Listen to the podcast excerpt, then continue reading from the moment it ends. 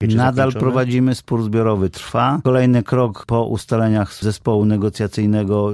Ja już informowałem, że wcześniej się spotykałem dwukrotnie z panem prezydentem, bo wszyscy tego od nas oczekiwali, więc spotkaliśmy się, ustaliliśmy pewną drogę dochodzenia do porozumienia. W grudniu, na koniec grudnia e, pracownicy z tych e, jednostek jak e, żłobki, MOPS i Urząd miasta otrzymali kolejną część wyrównania tego wynagrodzenia. Negocjacje trwają dalej, tak przynajmniej my myślimy, bo wysłaliśmy do pana prezydenta propozycję porozumienia kończącego spór zbiorowy, ale nie mamy odpowiedzi. E, Czekamy na spotkanie w styczniu, które miało się odbyć pod koniec